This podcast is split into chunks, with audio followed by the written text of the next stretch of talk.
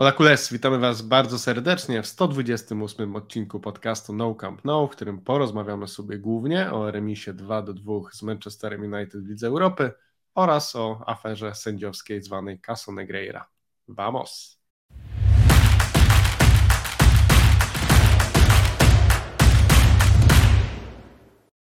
Ja się nazywam Adrian Miałkowski, a ze mną jest jak zwykle Michał Gajdek. Cześć Michał. Cześć Adrian, cześć wszystkim.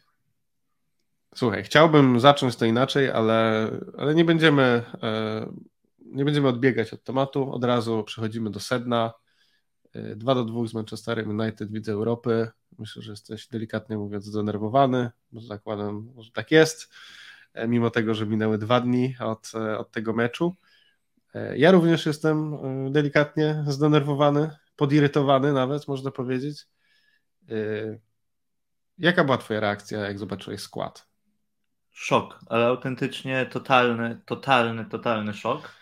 Mogę przeprosić e, na przykład tym razem nie wszystkich Polaków, do tego jeszcze przejdziemy, może wszystkich Polaków też, ale właśnie Chłopie. kolegów e, z podcastu Adwokaci Diabłów, w którym miałem wziąć, w którym wziąłem udział i im tam naopowiadałem, że mamy taką fajną obronę, że ten Christensen, ten Balde, to w ogóle taki monolit, tak super bronimy. No po czym się okazuje, że jednak niekoniecznie e, się to sprawdziło, tak? Więc jak ktoś tego słuchał, to pewnie sobie pomyślał, Boże, co ten człowiek gada, w ogóle nie wie nic o tej Barcelonie jednak. Natomiast myślę, że chyba wszyscy byli równie, równie zaskoczeni, choć powiem Ci, że jak potem sobie spojrzałem w statystyki, to nie wiem, czy powinniśmy być zaskoczeni, bo ja sobie tak prześledziłem e, nasze spotkania w Europie e, w tym sezonie, tę drogę przez mękę Mhm. I Marcos Alonso jest jedynym obrońcą, który zaczął od pierwszej minuty we wszystkich meczach z Bayernem, Interem i teraz z e, Manchesterem United. Nie grał z Wiktorią, dlatego że tak, to odpoczywał. było dzień, nie, jeszcze był, no tak, no i też y, nie zagrał w tym pierwszym chyba meczu, bo to było dzień jakoś po jego przyjściu, czy coś takiego. Było coś takiego, no ale w każdym razie, wiesz, patrzysz na tę linię obrony, mhm. I... Czyli klauzula może. Tak, tak jak u Rafini chyba... jest zakaz grania 90 minut, tak jest klauzula, że Markosik musi zagrać e, w pucharach, bo jak nie, to się obrazi i odejdzie. Ja to tak, znaczy nie, ale naprawdę był to straszny szok. E, ja sobie dużo obiecywałem ogólnie po występie właśnie naszej obrony, dużo sobie obiecywałem na przykład po Alejandro Balde, po czym znowu jest tak, że wychodzi dwóch lewych obrońców w składzie, no dobra, no już Marco Secha i co ci jako, jako stopera, ale wychodzi dwóch tak czy siak takich zawodników i nie ma miejsca dla, dla niego. E, totalnie dla mnie to niezrozumiałe, szczerze mówiąc. Jeszcze na chwilę, na początku myślałem, że może nie wiem, no tak jak rozmawialiśmy sobie o Christensenie przed jego przyjściem, że tam on podobno przed tymi ważnymi meczami gdzieś tam pękał i tak dalej, pojawiały się incydenty, problemy mm. zdrowotne i w ogóle mówię, okej, okay, no może coś się, coś się wydarzyło, no ale w momencie, w którym Xavi już powiedział wprost, że, że chodziło o rotację, i no to nie rozumiem. Po prostu dalej nie rozumiem, w sensie nie jestem w stanie. Tak, jeszcze żeby te rotacje były takie, na przykład, no okej, okay, rozumiem, chciał wystawić Jordiego Albę na lewej obronie zamiast Alejandro Balde e, Martineza. Dobra, no jest to jakoś do zrozumienia, ale ten Marcos Alonso to naprawdę ludzie, którzy śledzą Barcelonę tak z doskoku, nie, nie siedzą tak głęboko w tym, nie, nie, nie oglądają każdego meczu, nawet oni tak dziwne, nie? Dziwna, dziwna decyzja. E, także niedzielni kibice widzieli, że to jest coś nie, nie do końca, a Czawi jednak stwierdził, że Wiesz, trzeba zrobić Żeby rotację. nie było, że my tutaj sobie zrobimy teraz, nie wiem, jechanie po Markosie Alonso i powiedzenie, że no on nam zawalił mecz i tak dalej, bo paradoksalnie to miałem takie wrażenie, że on był jednym z pewniejszych punktów naszej obrony w tym spotkaniu, plus dołożył bramkę. Natomiast chodzi po prostu o to, że to nie jest takie właśnie i tak mi się to wydaje, nie jest zero-jedynkowe, to nie, tak, jest, nie jest jak, jak Że Szawi tak no. myślał, że, że właśnie wyjmując jednego zawodnika i wprowadzając za niego innego, no to zmieniasz tak naprawdę tylko to, ale ty zmieniasz całość drużyny, nie? I wiesz, w momencie, w którym mieliśmy ustabilizowaną właśnie defensywę w, w formacie Kunde z prawej, w środku Christensen, Araujo, po lewej Balde, to tak naprawdę teraz każdy był w innym kontekście, tak? No bo Balde i Christensena nie było w ogóle. Araujo był przyzwyczajony do tego, że grał na stoperze z e, Kunde, nagle został wywalony, znaczy z, Christensenem, nagle został wywalony na prawą stronę obrony bardzo, e, bardzo szeroko. Mhm. Kunde z kolei grał do tej pory po prawej stronie najczęściej, a nagle zagrał na stoperze i to zagrał na stoperze z Marcosem Alonso, więc każde tam było naprawdę pomieszanie absolutnie z poplątaniem i to było też widać. Tak, ja mam takie wrażenie, że oni się poczuli właśnie, no nie wiem, czy nie swojo, czy jakieś wy, takie wypadnięcie no, z rytmu i tak dalej, ale dokładnie. Tego... A jak wiemy, na tym poziomie decydują detale i to nawet I nie wiesz, jest żart. I Kunde grał rzeczywiście Kunde no, grał był źle. strasznie elektryczny, tak, zagrał na tym stoperze wreszcie, czego się domagał od dawna i był strasznie elektryczny przez to. Araujo się raz zdarzyła taka sytuacja, że puścił piłkę pod nogą przy, przy prostej sytuacji, błędy w wyprowadzaniu piłki i tak dalej i moim zdaniem za to głównie ponosi odpowiedzialność właśnie Szawi przez to, że ten, tą defensywą zamieszał, gdy tak naprawdę nie ma ku temu potrzeby, tak? Bo, no bo w lidze mamy teraz Kadyks. No, zaraz, zaraz, no. trochę szacunku. Rotację przed przepotężnym Cadiz w 16 w lidze i przed Almerią, która jest 15 w lidze. No właśnie. Przegrała ostatnie trzy mecze, w tym e, z Gironą wczoraj, bo my nagrywamy sobie to e, w sobotę. 6-2 z tą Gironą, która stworzyła pół sytuacji w meczu z nami. Chociaż. No, no ale nie, no wiesz, no w sensie Rok temu były rotacje w Lidze Europy, natomiast rok temu byłem w stanie to zrozumieć o tyle, że my musieliśmy nadrabiać to, co zepsuł Ronald Kuman i się z tego dziewiątego miejsca wyczołgiwać na czwarte, bo jakbyśmy wtedy nie weszli do top 4, to byłaby to absolutna tragedia i było wiadomo, że to jest absolutny priorytet. Natomiast teraz, no po pierwsze, tak jak mówisz, mamy rywali prostych w najbliższych, przynajmniej potencjalnie w najbliższych paru kolejkach. Po drugie, mamy zbudowaną gigantyczną przewagę w lidze.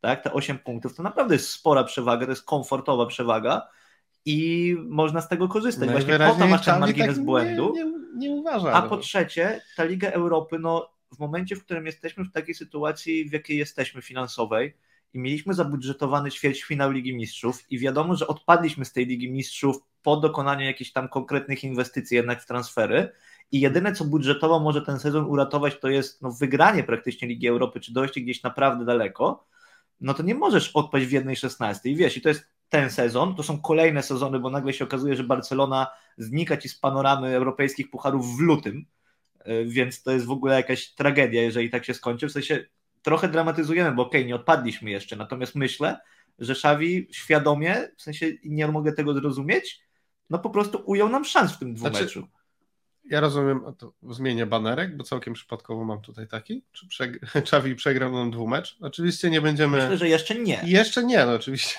ale... Biorąc pod uwagę, że drugi mecz jest przed nami. Natomiast nam bardzo go pokomplikował i rozumiem, że dla niego liga ewidentnie jest obsesją, bo tak jest, no inaczej by tego nie zrobił. E, albo e, jak ktoś to, bardzo mi się podoba to sformułowanie, po prostu włączył mu się Dalai Lama, jak Pepowi Guardioli czasami w pucharach i przekombinował. Ale ja nawet... Może chciał zaskoczyć. Ten... Chciał zaskoczyć. Słuchaj, on wszystkich zaskoczył, więc na pewno ten hak też zaskoczył. Tylko wiesz, tylko bo okej, okay, Pepowi czasami to kombinowanie nie wychodzi, e, natomiast przynajmniej no wiesz, jaka jest tutaj, jaka jest myśl za tym. W sensie ja rozumiem właśnie, tak jak powiedziałeś, albo za Baldę, okej, okay, mogę sobie wyobrazić, że on liczył, że nie wiem, że Manchester będzie grał nisko, że nie będzie presował, w związku z czym albo jednak jak mamy my dłużej piłkę i w takim rozegraniu przynajmniej teoretycznie jest jednak lepszy od Baldę, jeżeli chodzi o podania, niż o takie podprowadzanie akcji, po czym się okazało mniej więcej w dziesiątej minucie, że albo ma autostradę po prostu na tej swojej lewej stronie i wystarczyło mu tam rzucać piłki, mhm. a on nie specjalnie wiedział, co z nimi zrobić, ale co stało za wstawieniem Marcosa Alonso, no tego i, nie potrafię sobie wyobrazić. No i y, kolejna rzecz, dlaczego tak długo zajęło mu zamienienie Araujo z Kunde z powrotem. No nie wiem, może on pomylił Rashforda z Sancho albo cokolwiek. No to jest, bo... patrz, no przecież my dopiero co rozmawialiśmy w poprzednim tak. odcinku, że, e, że to będzie miało sens, jeżeli Araujo będzie grał e, na, na Rashforda 1 na 1. Na tymczasem się okazało, tak. że, że Rashford przygotował Rashford, przepraszam, Xavi no, przygotował... Proszę w kamerę nie uderzyć, proszę bardzo. Xavi przygotował plan anty-Rashford wystawiając Ronalda Raucho na prawej stronie, żeby Rashford grał na skrzydle, po czym się okazało, że Rashford wcale nie gra na skrzydle. A, tak a jemu to zajęło yy, ile? 55 co minut najmniej. chyba, coś tak, takiego? My 60? nawet na drugą połowę wyszliśmy tak No samo. tak, no to co najmniej 50-55 minut. No dobra, dramatyzujemy sobie może trochę, natomiast ja no, przyznam szczerze, że jestem strasznie rozgoryczony właśnie po tym meczu, bo no, mówiliśmy o tym Interze i tak dalej i tam zawsze było ja, mi jest bliska ta narracja, że sobie mówię, dobrze, no gdyby wtedy była ta obrona, a nie inna jakaś i tak dalej, to mogłoby być ok. Gdyby nie kontuzje i tak dalej, i tak dalej. Ale tutaj to jest po prostu samodzielne wyrzucenie po prostu części swoich szans do kosza. Jeszcze tak. ty mi mówiłeś, że sobie ostrzysz zęby, bo chcesz zobaczyć to, tak. tą naszą e, czwórkę z tyłu właśnie, jak w końcu e, tak, wyjdzie w Europie. w Europie. Bo La Liga to La Liga, tak. La Liga coraz bardziej się Ale rozjeżdża. Że tak. I nie mieliśmy takiej I okazji. Nie mieliśmy takiej okazji. I może będziemy mieli tę okazję za tydzień, ok, natomiast to już nie będzie to samo pod tym względem, że i myślę, że to już zostawiając ten temat tej nieszczęsnej obrony, e, w rewanżu nie zagra Pedri i nie zagra Gavi. A obrona no to nie jest tylko linia czterech obrońców, defensorów, tylko no, cała drużyna, która biega do pressingu i tak dalej. W momencie, w którym wyjmiesz z tego kontekstu dwóch piłkarzy, którzy najwięcej biegają, najwięcej presują na pewno w tym środku pola, zwłaszcza i tak dalej, to siłą rzeczy ta obrona taka efektywna już, no niestety pewnie y, nie będzie. Więc y, no, rozmawialiśmy na ten temat, y, nie dotarliśmy szczerze mówiąc do dobrej do dobrej powtórki i chyba ciężko nam to ocenić. Natomiast mamy spór w doktrynie, jak to się pięknie mówi w prawie. Jezu, nie przypominaj mi. No, ja uważam, ja uważam, z mojej perspektywy wyglądało tak, że Gavi e, się zagalopował z tym faulem, który był ewidentnym faulem rzeczywiście na żółtą i mógł go uniknąć w perspektywie takiej, że już było wiadomo, że Pedriego tak czy siak nie będzie i jego nie, brak w rewanżu, w sensie Gaviego, będzie tragiczną w konsekwencjach decyzją. Przede wszystkim to się ciesz, że Gavi jeszcze, yy, jeszcze nie miał żółtej wcześniej. A tak. Bo powinien ją dostać i to jest ewidentny tak. błąd Sedziego. Ja nie wiem, dlaczego nie dostał kartki za y, kogo tam yy, sfaulował. Freda? Freda? Freda, nie? No, to jest... I później się dziwią, że są takie narracje, że, że Gavi ma immunitet. No bo tu naprawdę ciężko to było wytłumaczyć. Powinien dostać. I no, wtedy albo dostał drugą żółtą, albo po prostu tej kontry nie, nie zatrzymywał ten sposób. Mi się wydaje, że akurat dobrze zrobił, że ta kontra wyglądała na groźną, no ale tak jak mówisz, spór do, w doktrynie, e, no. tu już się tego nie dowiemy. W każdym razie e, siedzący koło mnie e, kolega Maciek powiedział, że Gavi to wygląda dzisiaj jakby mu się do Manchesteru w ogóle nie chciał jechać, bo on na tą żółtą polował bardzo ciężko od samego początku. Bardzo ciężko. Także może coś w tym jest, że, e, że chciał sobie wolne zrobić. No my nie jesteśmy bardziej podekscytowani teraz tym wyjazdem niż byliśmy, a nie byliśmy za tak, no podekscytowani. Brzmimy, znaczy ja wiem, że brzmimy strasznie, mhm. może jakbyśmy właśnie, przegrali 5-0, no tak właśnie, tak nie właśnie jest. ja też chciałem na ten temat, bo ja mimo wszystko nie chcę też e, popalać w jakiś strasznie skrajny pesymizm.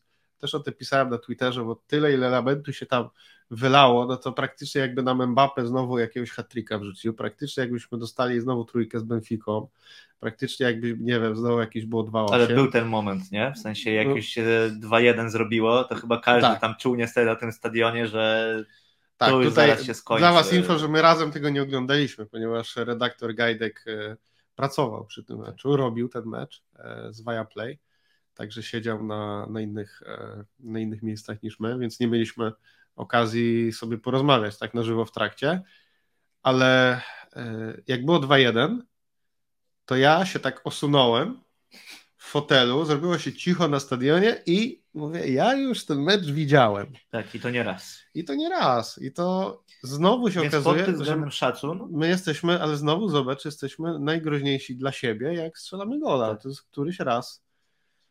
I tak sobie myślę, że no, to, to, chyba po prostu musi z doświadczenia przyjść. Tutaj nie ma innej rady. Ale po pod prostu... tym względem szacun, że właśnie to jednak jest odmiana. Jeżeli szukać pozytywów, to właśnie to, że nie tylko strzeliliśmy bramkę wyrównującą, która była, nie oszukujmy się, dość przypadkowa, ale, ale jednak ją strzeliliśmy, ale też no, cisnęliśmy. Też. Przypadkowa to była druga bramka Manchesteru, moim zdaniem. No ale bardziej. ten centrostrzał Rafini, no, no okej. Okay, no,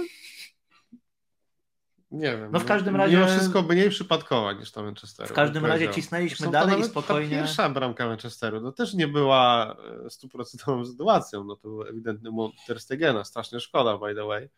E, pierwszy poważny, e, cholera jasna, błąd Matsa właściwie w tym sezonie. Chyba, że jakiś ominąłem.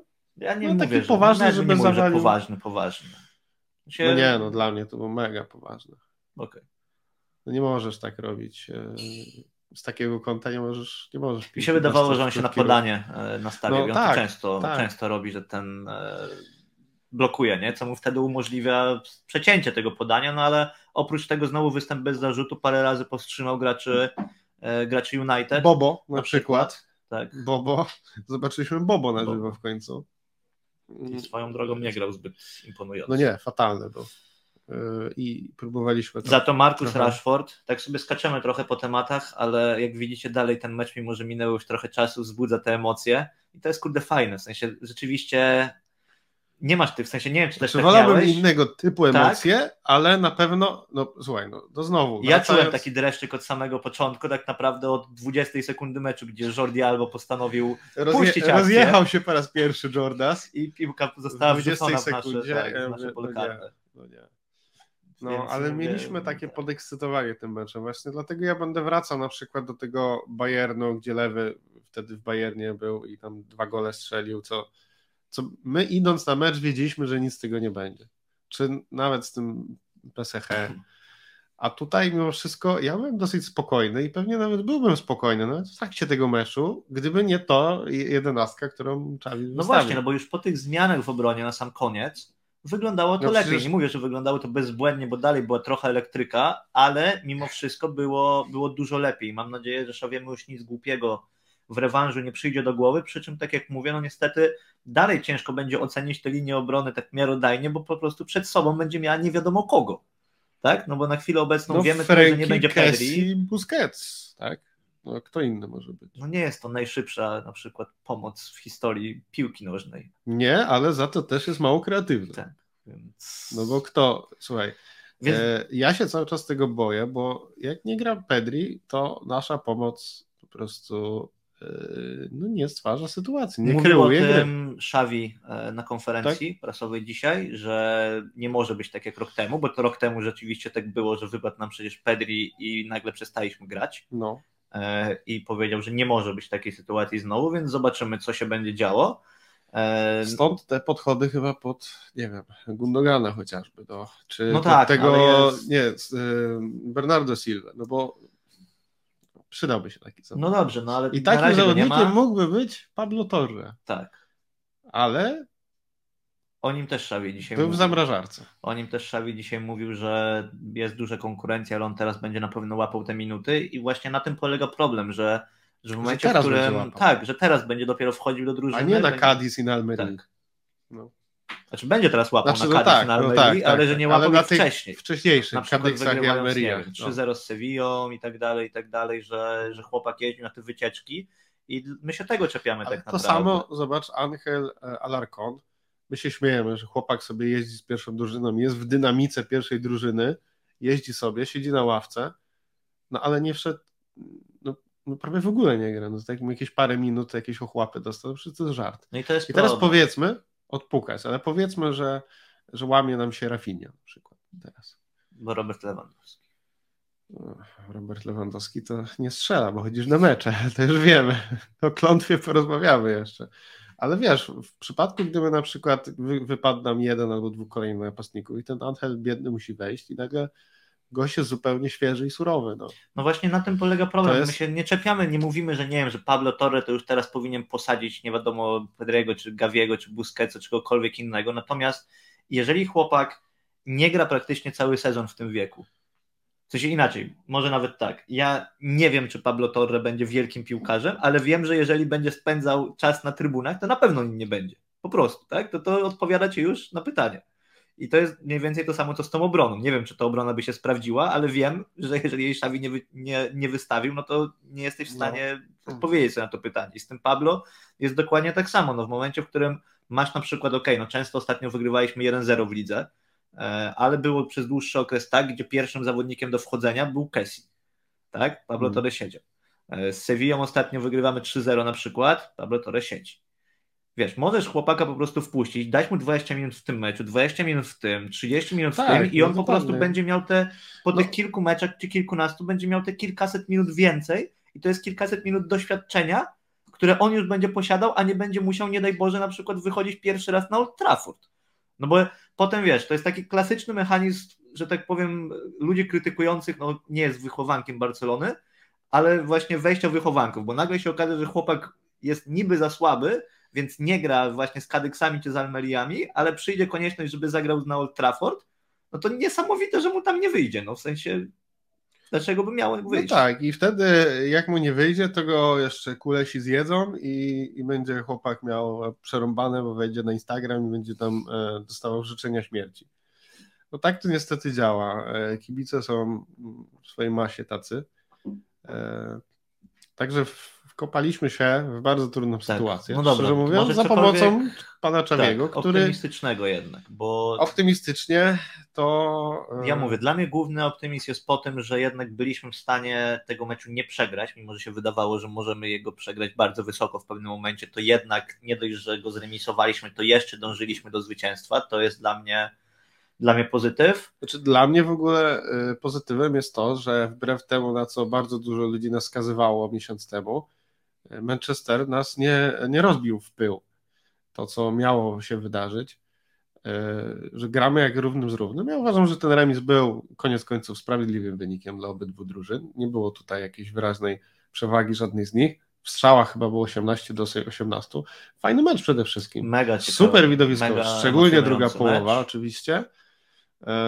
Kontrowersje sędziowskie po obu stronach. No. Bardzo mnie to rozbawiło, gdzie Erik Ten Hag wyszedł na konferencję i powiedział, że jest pokrzywdzony. Xavi wyszedł na konferencję i też powiedział, że jest pokrzywdzony, a moim zdaniem obaj mają rację. Obaj mają rację. Bo i tak- faul Kunde był, się, przy tak. czym nie wiem, czy to był faul na czerwoną kartkę, na pewno był przed polem karnym. Nie, nie był na była- czerwonym, bo jeszcze w polu karnym był Araujo. No i była na pewno. Ale był faul i e, była żółta. I była na pewno ręka e, Freda. Znaczy nie jest to niestety najbardziej karykaturalny rzut karny, którego nie dostaliśmy w tym sezonie, tak? No przypominamy na przykład Dumfriesa z Interem, ale i tak jest wysoko. E, No więc myślę, że sędzia ostatecznie był po prostu słaby, natomiast ciężko mówić, że wypaczył wynik meczu, bo to trzeba było jakiś efekt motyla zastosować, co tam było pierwsze i jakby to wpłynęło dalej i tak dalej, to nie da się tego zweryfikować. Tak? Natomiast przy- na pewno był słaby. No zawsze przy tych e, kontrowersjach sędziowskich właśnie ten efekt motyla jest, nie? że zupełnie ciężko to jakoś później e, przewidzieć. No, chciałbym o Robercie Lewandowskim porozmawiać, bo po raz Jestem kolejny, przygotowany. po raz kolejny spada, spada nam słuchalność. Ludzie wyłączają, bo włączają, wiesz, nas kibice Roberta Lewandowskiego, chcą mu o lewym posłuchać, a my nic. Rozmawiamy o jakichś innych rzeczach. No a tak serio mówiąc, no to... Mam dla e, ciebie statystyki Okej. słynnej klątwy. Klątwa Gajdka. Tak, Tutaj dla tych z uwaga. Was, co nie wiedzą. Kiedy Gajdek jest na stadionie, lewy nie strzela. Tak. Proszę No bardzo. więc Barcelona w tym sezonie zagrała i swoją drogą tu jestem bardzo ciekawy Twojej odpowiedzi, bo ja byłem trochę w szoku, jak na to, jak na to e, zerknąłem. Barcelona w tym sezonie zagrała na razie 33 mecze. W Mhm. ilu z nich strzelił bramkę Robert Lewandowski, Twoim zdaniem? Na 33 mecze. Mm, W 10? 12? W 15. A ja 15. myślałem, że nawet więcej będzie, wiesz? Szczerze mówiąc, zaskoczyło mnie to, bo pamiętałem Nie, bo taką ma cztery- serię, że on cały czas strzelał i tak dalej, No. no więc Ma 14 goli w lidze. strzelił w Są- 15, nie strzelił w 18. Mhm. Z tych 18 meczach nie strzelał w 13, mimo że grał. W dwóch nie zagrał, bo po prostu Mhm. został posadzony na ławce, czyli Victoria Pilsno i Intercity, a w trzech był zawieszony. Mhm. Ja byłem na meczach dziewięciu, no i wszystkie były bez jego bramki. Co oznacza? Uwaga, uwaga, patrz jak się przygotowałem. Widziałem 3 z 5 meczów, w których Robert Lewandowski nie zagrał, czyli 60%, i 6 z 13, w których nie strzelał, czyli 46. Czyli łącznie 9 z 18 meczów Barcelony, które skończyły się bez jego bramki w tym sezonie, to ja widziałem, czyli 50%. Natomiast nie widziałem żadnego z 15, w których strzelał. Czyli w 18 nie strzelał, ja widziałem 9 z nich, w 15 strzelał, widziałem 0. No. Słuchaj. No co ja mam ci powiedzieć? No nie idziesz do Manchesteru i tyle. Powtarzam ci Zobaczymy, co z tym Kadyksem. A w ogóle mnie nie zdziwi, jak on nie Ty- zagra z tym A Kadyksem. wiesz co? Y, Tak swoją drogą, to sobie pomyśl, że my teraz tracimy punkty na przykład na tym Kadyksie albo Almerii. Że To, byłby, to byłaby żenada roku. Tak. Zrobić rotację na to, żeby z ogórkami z La Ligi wygrać A potem nie wygrać. i nie wygrać. Nie? Także, ale zobaczymy. Dobra, Mecz z Kadyksem jutro, bo my nagrywamy. e, Tak, sobotę. miało być optymistycznie, ja niestety jeszcze mam jeden pesymistyczny wniosek, bo Tylko tak jeden. przeszliśmy tak, co do tego dwumeczu, Mhm. e, no że tak jak powiedziałeś, remis był sprawiedliwy i powiedzmy, że jesteśmy mniej więcej na tym samym poziomie. No to niestety Barcelona wydawałoby się, że w kolejnym meczu będzie słabsza, no bo nie zagra Pedri i Gavi, e, a z kolei United będzie silniejsze, bo na przykład wraca po zawieszeniu Lisandro Mart- Martinez Mhm. i wraca też e, Zabicer. Mhm. E, Więc myślę, że tutaj no, będzie ciężko, plus jednak jest to spotkanie na Old Trafford i tak dalej, więc ja niestety przyznam no. się absolutnie szczerze, jestem pełny pesymizmu, wraca jeżeli chodzi o to. No, także... Tak. Wszystko się wyrównuje. To w sam raz jak na, jak na Europę. Zobaczymy, który to będzie Busi. Znaczy myślę, że Busi, w jakiej formie będzie? Bo to, że bez Pedriego i Gaviego jeszcze obok siebie i w Europie i przy tak intensywnym starcie jak to, które widzieliśmy ostatnio, to niestety będzie ten Busi, za którym nie tęskniliśmy, ale bardzo bym się chciał mylić. No właśnie. Tyle z. Hmm. Nie wiem. Tyle ode mnie. Tyle ode mnie, nie wiem. No, Taka jest twoja prawda futbolu. Bardzo to było pozytywne. Chciałem powiedzieć coś optymistycznego, no. ale ciężko. Mhm. A, nie, mam, jedno, mam jeden pozytyw. E, bardzo fajny występ Rafini. Spodobał mi się naprawdę. No w sensie jest coraz bardziej odważny, e, coraz odważniejszy wchodzi w te driblingi, tak mu się udaje, raz, raz mu się nie udaje i tak dalej, ale przynajmniej widać, że, że próbuje, próbuje tych odważniejszych zagrań. Potwierdza się to, co redaktor Białkowski już widział, tak? że trochę więcej I nabrał luzu po e, prostu. Potwierdza się też to, co widzieliśmy, że nie za specjalnie mu się podoba to, jak Xavi traktuje no to... jego e, eufemistycznie mówiąc. Eufemistycznie nie, nie, nie, nie, podoba mu się, jak Xavi traktuje, zarządza jego minutami, ładnie mówiąc, tak? Czyli, że ściąga go z no. boiska, natomiast nie wiem, no, naprawdę ta klauzula musi być. E, ci z Was, co nie widzieli, to Rafinha zareagował na to swoje zdjęcie z boiska w sposób e, no bardzo e, wybuchowy, tak. bo aż musiał go nasz mentor i najbardziej rozsądny człowiek w drużynie uspokajać, I chciałem pochwalić, Alba. chciałem pochwalić naprawdę, że tutaj pan kapitan bardzo ładnie to załatwił, zareagował, tak. uspokoił kolegę z zespołu. Szkoda, tak. że sam siebie tak nie uspokoił, jak kopnął w bandę i dostał żółtą kartę. Ale tam, oprócz tam. tego to Ale bardzo fajnie. I też e, chcemy pochwalić Czawiego za to, jak e, skomentował to wszystko tak. później na konferencji prasowej. Powiedział, że to wszystko wynika z ambicji. Wysłał Rafinie na przeprosiny. Tak. Publiczny. Rafinia przeprosił, Szawi powiedział, że tak. nie ma sprawy i koniec tematu. Zamiast grzania pięk, pięknie zarządzone. Ja zakładam, że tam Szawi jednak wcale nie był aż taki, że to no nie, nie no to wiesz, prywatnie. Suszara szatni musiała pójść. Ale, no ja ale bardzo fajnie publicznie zarządzony temat właśnie, żeby to wygasić, jakiekolwiek zarzewie, tam podejrzenie konfliktu i tak dalej, i tak dalej, co nie zmienia faktu, że Rafinia ma rację i w końcu powinien tak, zagrać ale niekoniecznie musi e, tak. demolować ławki rezerwowe. Tak. Dzisiaj byłem na Camp Nou i się tak przyglądałem czy tam któryś zagłówek nie odstaje, ale, ale chyba, chyba już naprawili, albo po prostu za mało w niego uderzał. E, no ale dobrze, że Rafinia e, gra, faktycznie, bo gra i, i wygląda. Więc to jest jakiś optymizm. Tak, więc to jest jakiś optymizm. Jeżeli macie więcej powodów do optymizmu, to zapraszamy do sekcji komentarzy. I na koniec jeszcze musimy się chyba e, tutaj trochę popastwić nad nad bydłem z Manchesteru, co, po, które przyjechało. tak? Że pastwisko, no, to dobre, no, dobre. No, taka, taki żarcik. No nie, no słuchaj, za każdym razem, kiedy tu Anglicy przyjeżdżają, to niby się możesz, wiesz czego się będziesz spodziewać. Ja tutaj często wracam do tego sezonu, to było 18-19, gdzie graliśmy z Tottenhamem, Manchesterem i Liverpoolem i każdy kolejny wyjazd. Chelsea też nie. Nie, nie, nie wtedy nie. Chelsea było wcześniej.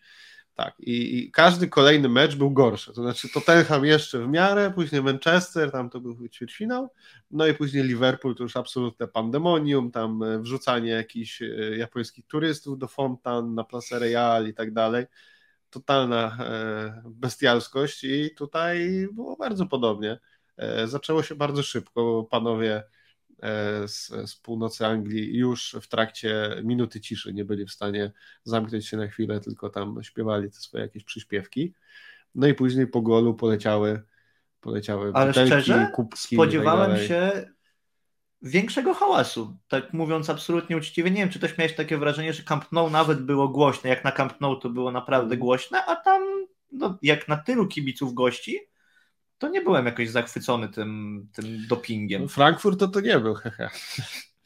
No nie, no, ale, muszę więcej. Ale Galata więcej... podobno w zeszłym roku też się ładnie spisała i chyba, chyba lepiej, tak mi się wydaje. No tak, to prawda, to prawda. No ci to są już no. fanatyczni naprawdę. Tak, tak, tak. Y, też inna sprawa, że no, ten sektor jest tak strasznie tak. wysoko, tak. że wiesz, e, no, tej akustyki nie ma. No ja akurat jeszcze, siedziałem jeszcze siedzieli przez... za tą pleksji. Tak, tak. Ja siedziałem akurat no, po przeciwległej sensie, bo ty siedziałeś tak jakby w, wzdłuż boiska, czyli po przeciwległej, a ja w, na drugiej, mhm. na drugim, że tak powiem, narożniku, tak? tak? Od tej samej strony, więc trochę bliżej do nich ja... miałem mimo wszystko. Nie tak blisko jak mój kolega, który przyjechał na mecz i e, siedzieli bezpośrednio pod nimi i musieli się ewakuować w pewnym momencie na chwilę ze swoich miejsc, gdyż tam było rzucanie e, różnymi przedmiotami. No. Także tym bardziej jesteśmy podekscytowani teraz naszym wypadem do Manchesteru. Tak Mam nadzieję, że tylko nie wejdziemy do jakiegoś pubu, gdzie będą kibice Manchesteru i nie będzie powtórki z, z filmu Eurotrip i nie będziemy musieli śpiewać hymnu Manchesteru. E, ci z Was, którzy ja nie, nie, wiedzą, to tak? Glory, glory, tak? To nie wiem, czy to jest... Forever Blowing Bubbles o. musisz śpiewać. Tak, to pewnie się e, sprawdzi. Common City, Common City. No dobra, no to tyle o Manchesterze. Było miło. Tak. Teraz będzie jeszcze milej. No teraz było tak, no właśnie. No i przechodzimy teraz do tego, na co wszyscy czekają, to znaczy pytania, czy, e, czy Barca kupowała sędziów? Jak to wszystko wyglądało z tym e, Caso Negreira, bo tak to nazwijmy. Przede wszystkim trzeba pamiętać, że, że to, e, co się wydarza, to nie dotyczy bezpośrednio FC Barcelony, tylko właśnie pana Jose Maria Enriquez Negreira, byłego sędziego. Mm, i, I powiem Ci tak, jak to z mojej strony wygląda, to tak jak różne rzeczy tutaj trudne omawialiśmy na łamach podcastu, bo dużo syfu wypływało z klubu przez ostatnie dwa i no już prawie trzy lata, jak to prowadzimy.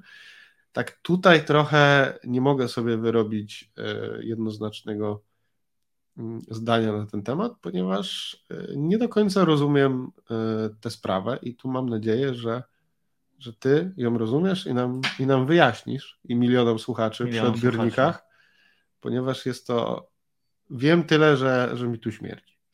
I to, to jest... nie dlatego, że siedzisz tutaj, wiesz, obok i nie wiem, jadłeś nabiał, ale, ale naprawdę jest to no, słaba sytuacja. Jest słaba. Tak. E, jest słaba.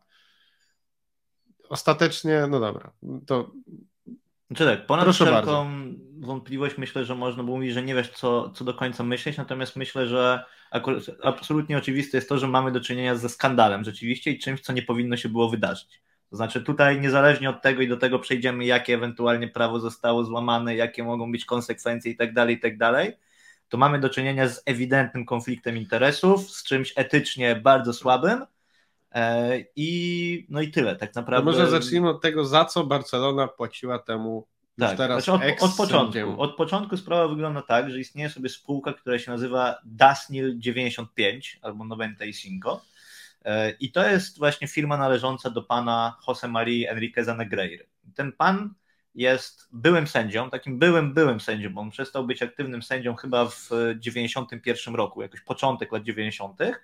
No i później zrobił karierę, został wiceszefem komitetu sędziowskiego i był w tym komitecie sędziowskim od 1994 roku do 2018 roku. No, czyli taki dosyć długi, że tak mhm. powiem, staż e, posiadał. No i afera wzięła się z tego, że okazuje się, że ta spółka e, otrzymywała pieniądze od Barcelony. E, sprawdza to skarbówka, natomiast skarbówka sprawdza ten okres niedawny, czyli lata 2016-2018 e, i wówczas oni otrzymali 500 tysięcy w 2016, 500 w 2017, trochę ponad 300 w 2018. No i tutaj zaczyna się robić właśnie śmierdząco, bo e, w momencie, w którym on przestaje być członkiem tego komitetu sędziowskiego, czyli w czerwcu 2018 roku, to nie ma już, to, to kończą się też płatności. Tak? W sensie ta mhm. firma już nie dostaje płatności z Barcelony. No i problem też jest taki, że to nie jest tak, bo ktoś może sobie pomyśleć, że nie wiem, to jest na przykład, no świadczył jakieś tam usługi i wiesz, i to będzie w takim razie, nie wiem, jakaś tam część idzie na Barcelonę, ok.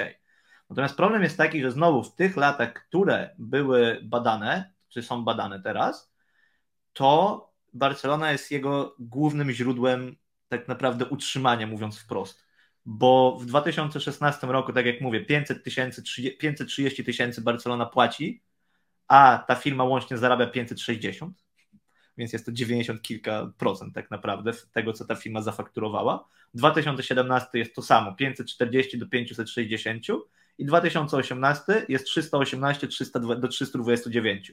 Czyli przez te 3 lata tak naprawdę ta firma istniała tylko po to, żeby brać pieniądze z FC Barcelony. To, to, to jest akurat dość oczywiste.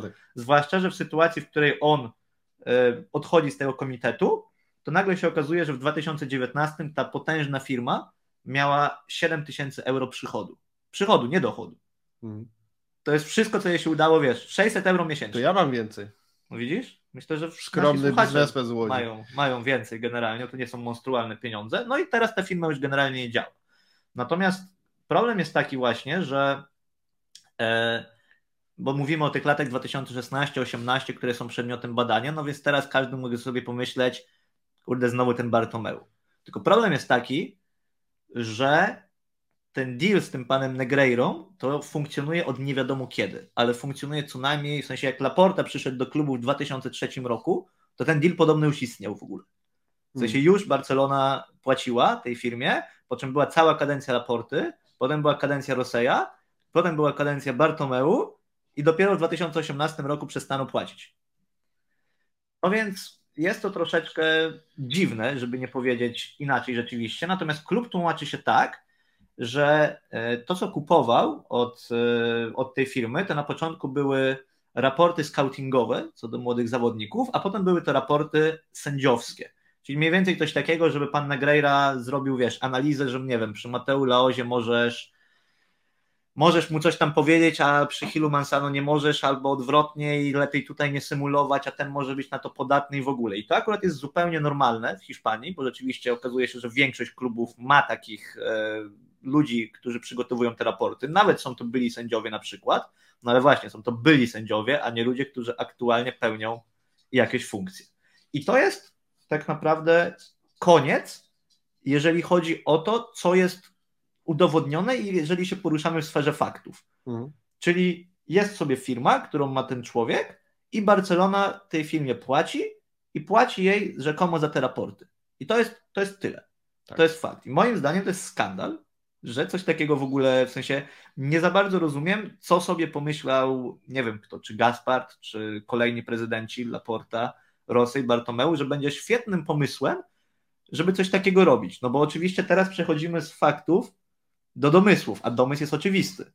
Skoro mhm. płacisz sędziowi, arbit szefowi arbitrów za coś, no to płacisz za co? Za przychylność arbitrów. A w związku z tym ustawiasz ligę.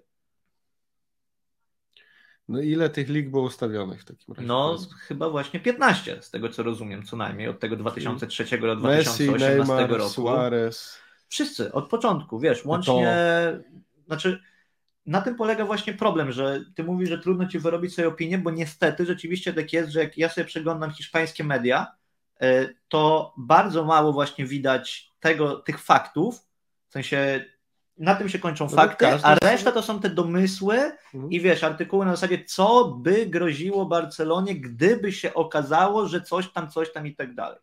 Bo teraz trochę, trochę wątków prawniczych. Generalnie, żeby kogokolwiek skazać tutaj, o dziwo, bo to jest dla mnie szok. I to jest dla mnie szok, za który nie odpowiada Barcelona, że nie ma prawa w Hiszpanii, które zakazywałoby ci czegoś takiego. W sensie, jeżeli mówilibyśmy tylko o tym, że on rzeczywiście, że przyjmijmy, że ta wersja jest prawdziwa, że Barcelona naprawdę kupuje usługi od pana Negreiry, usługi, mhm. raporty sędziowskie, albo nie wiem, catering na stadion, albo pokazy flamenko, czy cokolwiek Co by to rodzaju, nie było?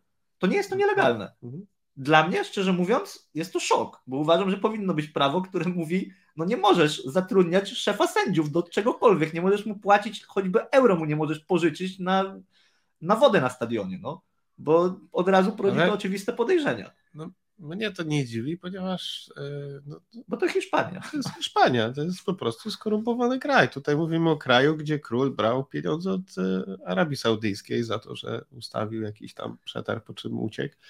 E, kraj, gdzie Piqué z Rubim sobie ustawiali no, to jest podobna, To jest trochę podobna sprawa. Ramos z Rubim też sobie wymieniali różne to jest, informacje. To jest trochę podobna sprawa, tak mi I, się wydaje.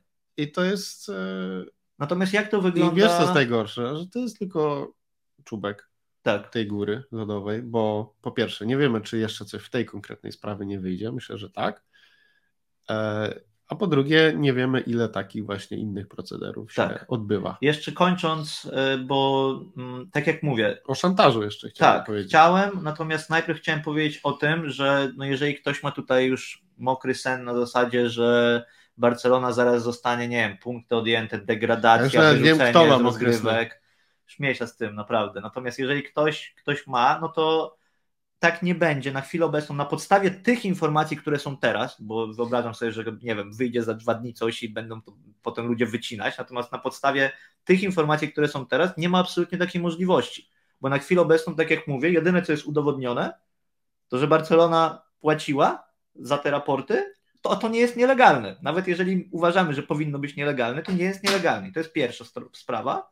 A druga jest taka, że e, w Hiszpanii są bardzo krótkie terminy przedawnienia, jeżeli Tak. chodzi o kwestie sportowe. I to są tylko 3 lata. Trzy lata. W Czyli związku z czym ponieważ 2016-18 to jest Na niż przykład. 3 lata, to już tego 18, minęło od ostatniej faktury. I, I to powiedział y, hiszpański kononowi, czyli Javier Tebas Tak. już oficjalnie. I tutaj jest kolejna sprawa do sprostowania, bo jakbyśmy tak usiedli, w sensie ja wiem, że to już długo i się ludzie pewnie, no, można się w tym gubić i tak dalej, natomiast ja bym chciał to załatwić raz, a dobrze tak naprawdę. E, sytuacja jest taka, że teraz zgubiłem wątek. Sytuacja jest taka, że weszła No to jest życie- skomplikowany e, wątek Weszła w życie nowa ustawa o sporcie, tak? Mówiliśmy o tym przy okazji na przykład Roberta Lewandowskiego Tak. i jego odwołania i tak dalej. Ona weszła Tak. w życie od 1 stycznia.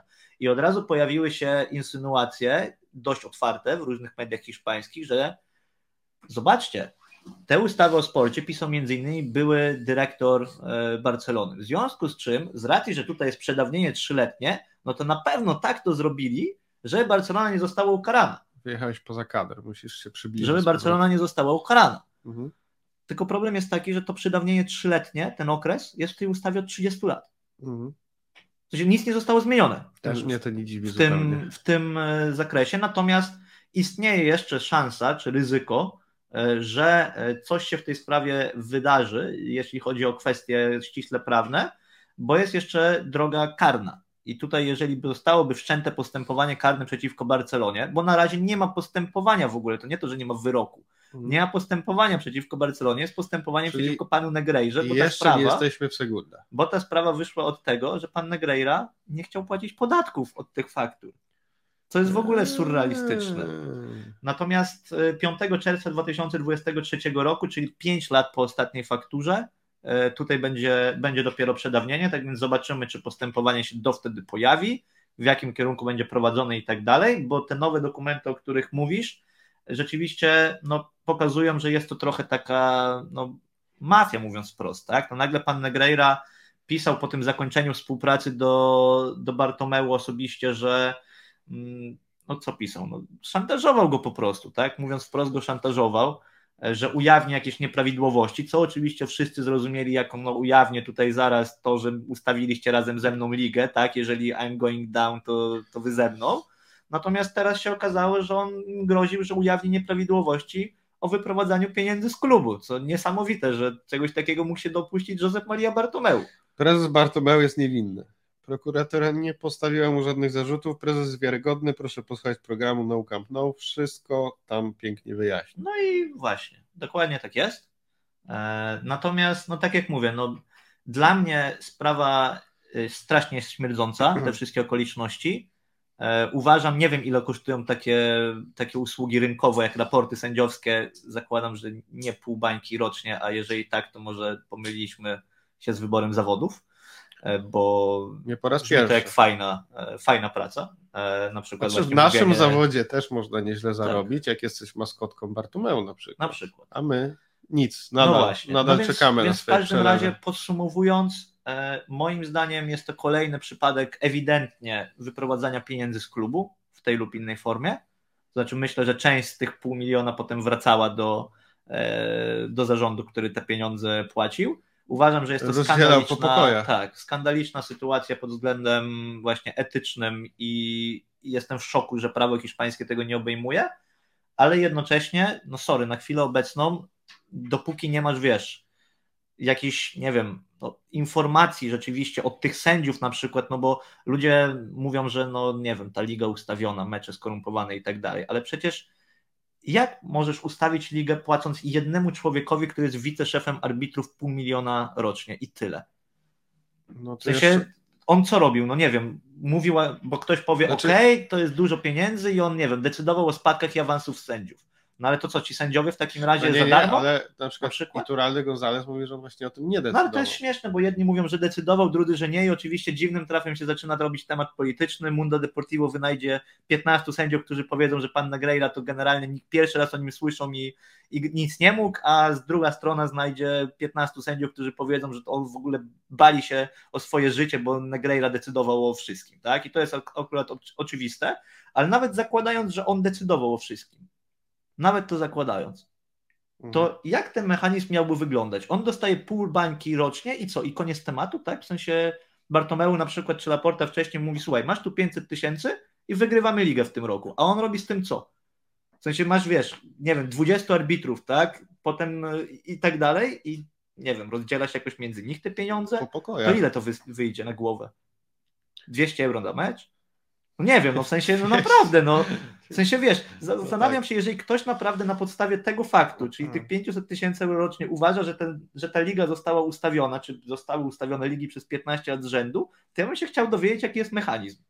Bo ja nie potrafię go sobie wyobrazić. Może jestem. To najlepszy naiwny, zwrot inwestycji w historii ale jak, futbolu. Jak Antoni, jak on się nazywał? E, Fijarczyk, czyli ten sędzia, od którego zaczęła się słynna afera fryzjera w Polsce. Mhm no to przecież on został znaleziony, w sensie u niego w bagażniku zostały znalezione ta, ta prowokacja 100 tysięcy złotych. No to takie ceny chodziły za pojedynczy mecz w polskiej lidze w 2005 roku. A tutaj nagle co? A tu cała liga? W Hiszpanii sobie kupić no, całą promocja, ligę za... nie wiem. Więc y, no tak to trochę, trochę wygląda. Podsumowując, moim zdaniem strasznie śmierdząca sprawa. Jestem strasznie rozgoryczony tym, że nikt z prezesów, bo po Martomeu się dużo nie spodziewam, ale że Laporta na przykład, albo Irosej, którego uważam za rozsądnego krętacza, w sensie uważam go za inteligentnego krętacza w przeciwieństwie do Bartomeu, którego uważam za idiotę, nie tak. wpadł na to, że jak to kiedyś wyjdzie, to będzie dokładnie to, co się dzieje teraz, czyli będzie od razu jasne podejrzenie, że na pewno ustawiłeś, wszystko jest kupione, korupcja i tak dalej, co ma efekt dla klubu wizerunkowy, wiadomo jaki, e, a moim zdaniem będzie też miało efekt boiskowy, mianowicie taki, że teraz każdy sędzia się dwa razy zastanowi w wątpliwej sytuacji, czy orzec na korzyść Barcelony, bo zostanie od razu oskarżony, że jest skorumpowany. I to będzie duża szkoda dla klubu. I to będzie faktyczny efekt tego 500 tysięcy, który możemy odczuć niebawem. Ostatecznie w ostatnich 40 meczach dostaliśmy jednego karnego, więc e, chyba faktycznie trzeba wrócić, e, trzeba wrócić tak, do, do płacenia komuś, bo to, to nie może tak dalej wyglądać. Także Laporta Działaj, płać komu musisz. No dobrze, coś jeszcze? Znowu wyjechać poza kadr. Widzisz? Nieważne. No, przekręcę kamerę trochę, to nieważne. żebyś był w, w kadrze. Mm. To teraz masz już bardziej wyrobione jakoś zdanie po tym? No, właściwie wszystkim? wszystko się sprowadza do tego, co powiedziałem na początku, czyli sprawa śmierci, e, no a prawdopodobnie nic, e, nic nam nie przybiją, jak mówili na symetrii.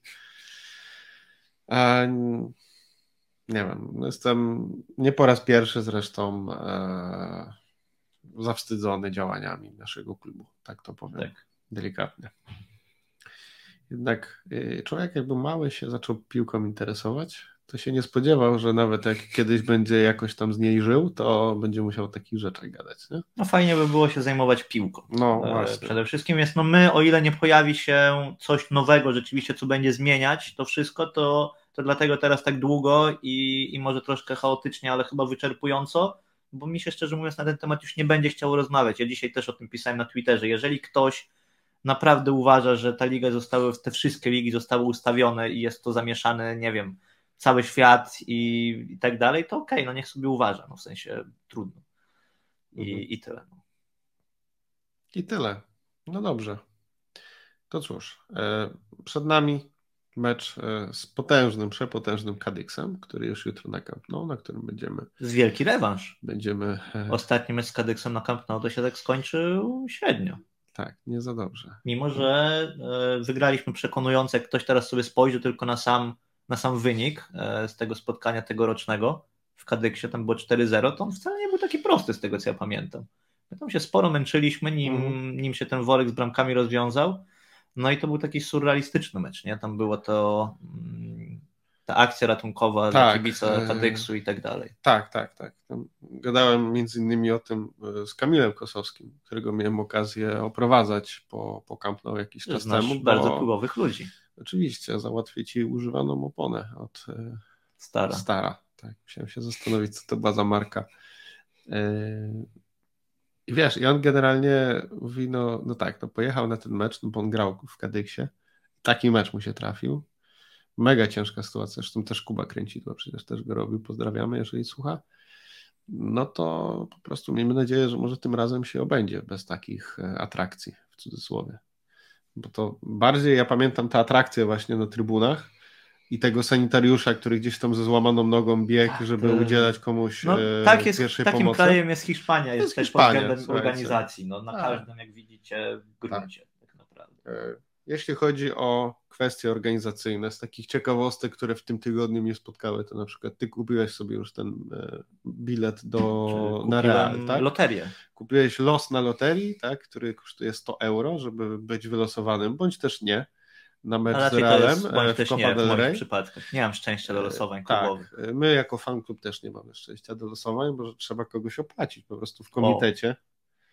No nie wiem tylko, czy nie wiem jakie są stawki, to musimy zobaczyć, czy nas będzie stać jako 5 euro w porównaniu. Ale to i tak widzisz dobrze, że kupiłeś mnie. Ja na przykład nie mogę od kilku dni opłacić tego biletu. No i prawdopodobnie będę musiał jechać na Camp Nou do AB i będę musiał powiedzieć, że mam znowu taki problem, że znowu po raz 47 nie jestem w stanie e, zapłacić za bilet, że chciałbym wam bardzo dać e, te moje 100 euro, a nie Żebyście mogę. dali panu Negrejże. No, no właśnie, no, słuchaj, no, my musimy bardzo dużo pracować, żeby mieć dużo pieniędzy, żeby je wydawać dla klubu FC Barcelona, żeby ten klub później mógł właśnie takie rzeczy robić. Inwestować. Inwestować w kapitał ludzki w konsultantów zewnętrznych. Ale wiesz co, ja też się, to jeszcze tylko wracając do tego, e, zastanawiam i to mnie przeraża, w sensie to jest temat na dłuższą dyskusję na pewno, ale jestem przerażony tym, że wiesz, że przez 15 lat klub może płacić komuś 500 tysięcy euro, tak nie do końca wiadomo co, i nikt o tym nie wie, nie ma nad tym żadnej kontroli za specjalnie, masz wiesz, co roku audytowane sprawozdania finansowe przez Przecież... wielką czwórkę, jakieś EY, Deloitte, było po zakończeniu kadencji Przede Bartomeu. Przede wszystkim Carles Tusquets. Był. Był, Carles Ale Tusquets. nie no, był, był forensik przecież słynny, raport, który due diligence prześwietlił wszystko, wszystko. i tak dalej. I nagle się okazuje, że, że nie było. Więc pytanie, ile jest takich, takich ludzi, którzy sobie żyją z tego klubu rzeczywiście poprzez różne właśnie prowizje, usługi, które nie wiadomo, czy istnieją, czy nie istnieją i tak dalej, i tak dalej. Jest to naprawdę przerażające, jak się o tym, jak się o tym pomyśli. Tak, to mi się teraz przypomniała z innego biznesu trochę, z, z innego przemysłu. Yy, historia, jak nie wiem, czy kojarzysz, taki, taka wielka giełda krypto FTX padła ostatnio i, i tam ktoś się przyznał, że wystawiał im faktury, że po prostu znalazł ich dane gdzieś tam do faktury i wystawiał im, przysłał im fakturę, na której było napisane, że nie wykonano żadnej usługi i tam wrzucił kilkanaście tysięcy dolarów i oni mu ją zapłacili. I myślę, czy by nie zrobić czegoś takiego dla FC Barcelony, bo myślę, że w tym gąszczu tych różnych faktur może by się nasza, nasza jakaś prześliznęła na konsultację na przykład z, z No Camp No. no. Dobrze, bo schodzimy znowu na jakieś nie, nie, dziwne sprytny klimaty. Plan. Sprytny, nie? Słuchajcie, dajcie znać w komentarzu, e, na co powinniśmy faktury wystawić e, FC Barcelonie i na jaką kwotę też, bo nie znamy stawek za bardzo. I wtedy może cały ten nasz patron nie będzie przy, potrzebny. Przy Bartokaj wyszło, że chyba 100 tysięcy euro to jest ten próg, gdzie zarząd musi patrzeć, a niżej to już niekoniecznie, mhm. więc można je podzielić na więcej małych faktur. Tutaj akurat tak też było, że, że dotarto, że te półtora miliona to było rozłożone na bodajże 33 e, faktury, e, a łącznie przez te 20, 20 lat miało być e, ponad 6,5 miliona euro wypłacone za te raporty sędziowskie. Tak, no. mamy nowego zawodnika. Julian Araujo się nazywa. O, co pan powie? Co pan powie? Jednak, jak... jednak został podpisany. Brzmi jak... Jakby ktoś chciał zarobić na prowizji. Nie no dobra, może już teraz patrzę na wszystko zbyt... Jesteś bardzo cyniczny, Michale W każdym razie. Ale to ja e, bym poprosił teraz, żebyś ty mi wytłumaczył w momencie w takim, w którym jesteśmy, e, jeżeli chodzi o e, sytuację finansową klubu, wydanie 4 milionów euro na prawego obrońcę do Barcelony B. Chciałbym zrozumieć sens tego transferu. To ja ci powiem dlaczego. Bo kiedyś zapłaciliśmy 1,7 miliona plus zmienne za niejakiego Ronalda jebanego dzika Araujo. Okej, i teraz I to jest- jeżeli ten ja się jest będę też Araujo, tego. to będzie, I no dobrze, dokładnie. oby, oby, I- ja mu bardzo dobrze życzę. Araujo w FC Barcelonie po prostu nie może źle wyglądać Oby. i, i tyle. No. Nie, wiesz, no ogólnie rzecz biorąc, mnie cieszy, że chcemy, yy, no czasami coś ci wyjdzie z takiego zawodnika. Czasami ci się uda taki strzał, jak właśnie Araujo czy Pedri, tak? Yy, tu zresztą chyba obydwa transfery Ramona Planasa, tak? Tak. Więc kurczę, udało mu się, no naprawdę. Udało mu się. Nie, nie, mi bardziej chodzi o to, E, że Ale 4 miliony to jest sporo. w naszej sytuacji to jest bardzo Do, sporo. Ja za sobie- gościa do Barcy B. ja sobie mogę wyobrazić, że W za te sensie, 4 e- miliony przyszedłby ktoś e, na jakieś wypożyczenie na te pół roku, żeby łatać nam środek pola na przykład. I teraz byśmy nie rozmawiali Albo- o wystawianiu. Albo ktoś, kto będzie grał w Barce A, na nie w Barce po B prostu, też, może zacznijmy od tego. To będzie ten... Kto będzie grał w ogóle, bo przecież pamiętajmy, że spóźniliśmy się z dokumentami dla pana Araujo i pan Araujo w tym sezonie nie zagra ani w Barcelonie A, ani w Barcelonie B, ani chyba w ogóle nie zagra w piłkę, więc y, będzie to dla niego na pewno bardzo rozwijające doświadczenie. No zobaczymy. Bardzo jest to wszystko ciekawe, ale było już kilka takich transferów, e, a nawet dziwniejszych swego czasu. Nie będziemy już do nich wracać na razie, więc będziemy po prostu monitorować. Dobra, musimy pana. znaleźć coś bardziej optymistycznego bardziej koniec. optymistycznego. Że odpal Daniego Serrano. Dani Serrano. Słuchajcie, ja będę, y, w ogóle mam taki plan ambitny, jak będę miał troszkę czasu, bo ja już jestem praktycznie pewny, że y, Dani Idziemy Serrano istnieje. Tak, mam zamiar zadzwonić i powiedzieć, że bardzo bym się chciał spotkać z panem Danim Serrano, Mhm. y, gdyż, Albo panią. y, albo panią Danielą Serrano. Danielą Serrano, gdyż bardzo mnie jego, jej newsy y, zainspirowały. Okej. I jestem ciekawy, kogo mi tam wtedy wysuną. E, Bo on nawet nie ma go w, albo jej w liście redaktorów na portalu El Nacional. Najnowszy news od pana Daniego Serrano. Tytuł. Cudowne dziecko prosi Żana Laporta o możliwość powrotu do Barcelony. Czy to jest I Xavi teraz wszystko Simons? zależy od Xaviego Hernandeza. Ty myślisz, że to będzie Xavi Simons? Kurde, to jest dobry strzał. Nie wiem. To jest dobry strzał. Może Mateusz Fernandez. Dobra, uwaga. Jedźmy dalej. Dani Olmo.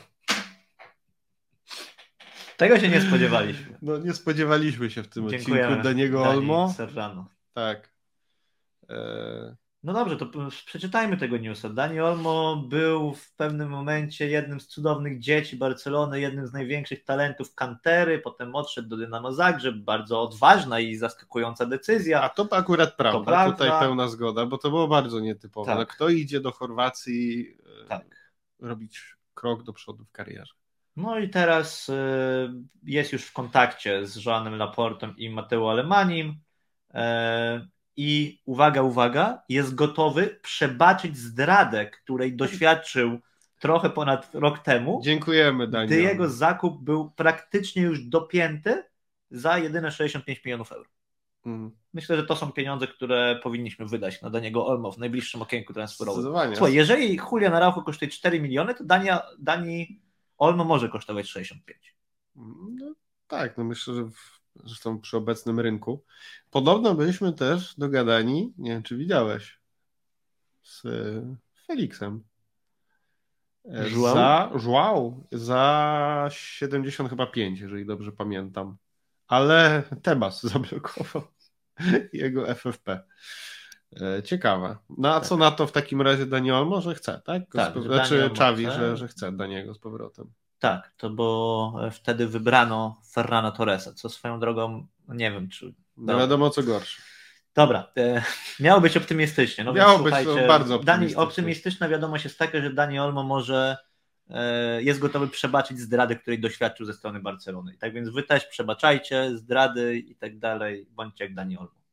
To jest ten optymistyczny przekaz na, na koniec. Bardzo optymistyczne, bardzo to było głębokie. No. Dobrze.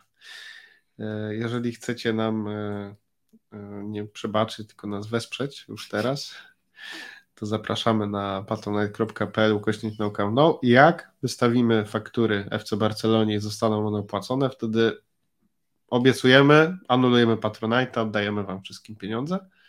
Chyba, że to będą faktury niewystarczające, jak się okaże. Ty, a jakby pan Negreira sobie założył Patronite, przecież teraz to jest takie proste.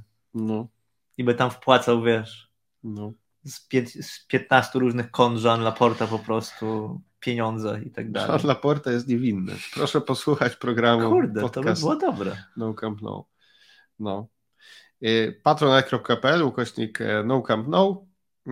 Tam możecie nas wesprzeć i w zamian zaprosimy Was na naszą tajną grupkę e, dla patronów i przyszłym tygodniu mamy od razu Zooma integracyjnego, więc e, też naszych oczywiście e, patronów obecnych z góry zapraszamy i detale oczywiście tam też będą na grupce, także będziemy się integrować. W przyszłym sensie w tym, który się zaczyna teraz, jak słuchać. Tak.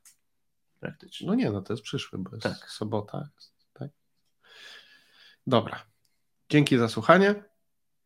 E, Pamiętajcie e, zostawić e, lajka, jeżeli jesteście na YouTubie, komentarz, co wy o tym wszystkim sądzicie, bo to nas w sumie bardziej ciekawi. I póki co dzięki za słuchanie, jak zwykle Wiskal Barsa. Trzymajcie się, cześć.